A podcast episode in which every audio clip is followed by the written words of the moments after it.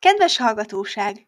Szeretettel köszöntök mindenkit az Aranyjal futtatott című podcast második részénél. Fazekas Ruzsina vagyok, és a mai részben a napjainkban nyugaton jellemző státuszszimbólumokról fogok beszélni. Fontos most is, mint az előző részben, a fogalmakról beszélnem egy kicsit. A szakvélemény a mai napig nem egységes azzal kapcsolatban, hogy mit is nevezünk nyugatnak és keletnek, fejletnek és fejletlennek, hogy hol van a kettő között a határ.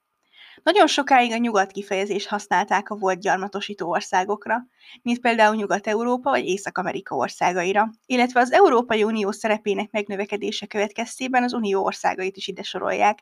Itt természetesen a többi ország a kelethez tartozik.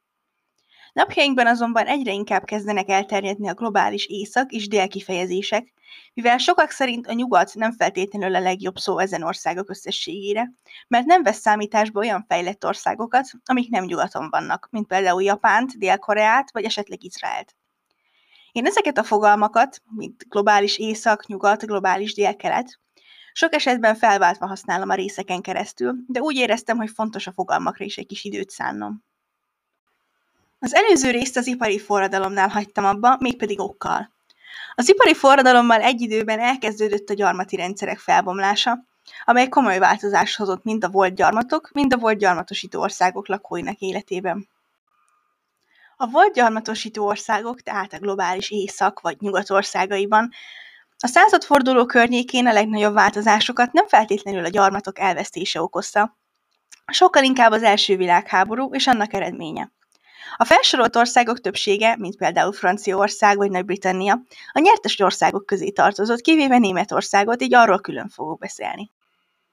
A háború évei alatt a nyertes országokban is mindennapivá vált az élelmiszerhiány és a munkanélküliség. Az Egyesült Királyság és Franciaország azon gyarmatai, melyek részt vettek a világháborúban, nagyobb önállóságot kezdtek el követelni, mivel a háború során rájöttek, hogy gyarmatosítóik nem legyőzhetetlenek, és akár ők is le tudnák őket győzni. A britek azonban szerencsésnek mondhatták magukat, ugyanis őket a világháború sokkal inkább mentálisan, mint gazdaságilag viselte meg. Hasonló mondható el az Egyesült Államokról is, akik csak gazdagodtak a világháború miatt, és általa kerültek be igazán a nagyhatalmak közé.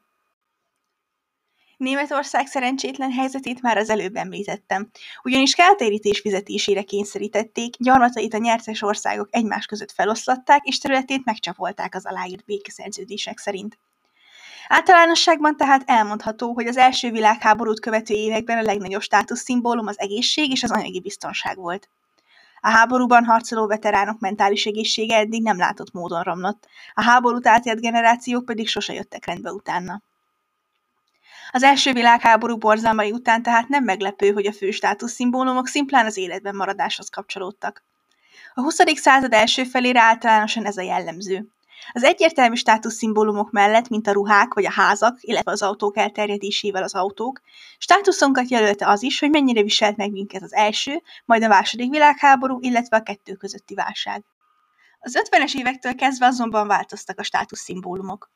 Köszönhetően a hidegháborúnak az Egyesült Államok és a szövetséges országai mind jólétüket és fölényüket akarták megmutatni a szovjet uralta területekkel szemben. Az Egyesült Államok háborúk utáni propagandája mind a fogyasztáshoz a fiasságát hirdette, ösztönözve az embereket, hogy minél több mindent és azokból minél többet vásároljanak. Ez a mentalitás még napjainkban is jelen van az államokban, ezért nagyon elterjedtek a hatalmas, márkás autók, a drága telefonok és ezek egy vagy két évenkénti cseréje, valamint az általános túlfogyasztás. A globális észak átlagembereire napjainkban jellemző státuszszimbólumok közé rengeteg dolog tartozik. Ilyen az iPhone, sok követő van amelyik közösségi médián, általában főleg Instagramon, vagy a fiatalok között TikTokon, melyek rendkívül új keletű státuszszimbólumoknak számítanak, valamint klasszikus dolgok is, mint például luxus márkák darabjai, legyenek azok ékszerek vagy ruhák, illetve a külföldi nyaralások.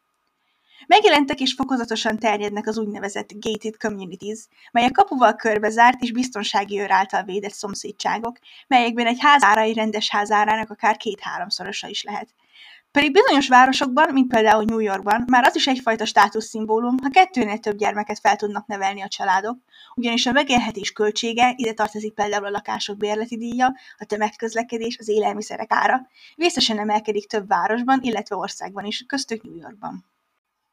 Jelen vannak több társadalmi osztályban, leginkább a középosztálytól felfelé, az úgynevezett guilt-free pleasures, amik olyan elfoglaltságokat vagy vásárlásokat foglalnak magukban, amelyekkel kielégítjük vásárlás iránti vágyunkat, de nem érezzük magunkat rosszul utánuk. Ide tartoznak a különböző bio, vegán, organikus élelmiszerek és sminkszerek, a kondibérletek vagy a zero waste életmódhoz szükséges termékek.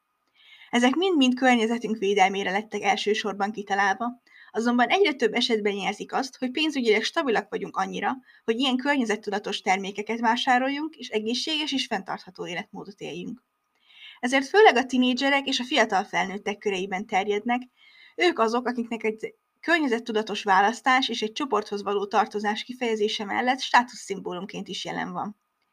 Sok fiatal családja nem engedheti meg a kétszer-háromszor annyiba kerülő biobanánt vagy a drága kondivérletet, esetleg a vegán sminkszereket, így azok a fiatalok, akiknek ez megvan, már fentebb állnak a képzeletbeli ranglétrán.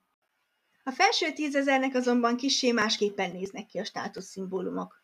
Az általános privát repülőgép, nyaraló, jacht trió elterjedt a világ minden táján a leggazdagabbak között, de területenként vannak eltérések.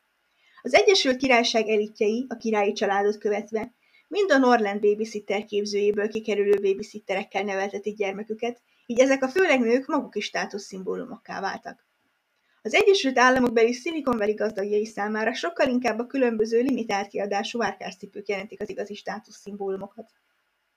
Az ő világukba, mint külsős, azonban nagyon nehéz belátnunk, valamint sokszor olyan furcsa dolgok válnak státuszszimbólumokká, amikre mi nem is gondolnánk. A globális éjszak státuszszimbólumai számítanak napjainkban az általános státuszszimbólumoknak, viszont ezek gyorsan változnak, szinte havonta jelennek meg új trendek, amikhez igazodnunk kell, ha fontosak szeretnénk maradni. A következő részben megnézzük, hogy hogyan változtak a státuszszimbólumok a volt gyarmatokon, és hogy néznek ki jelenleg.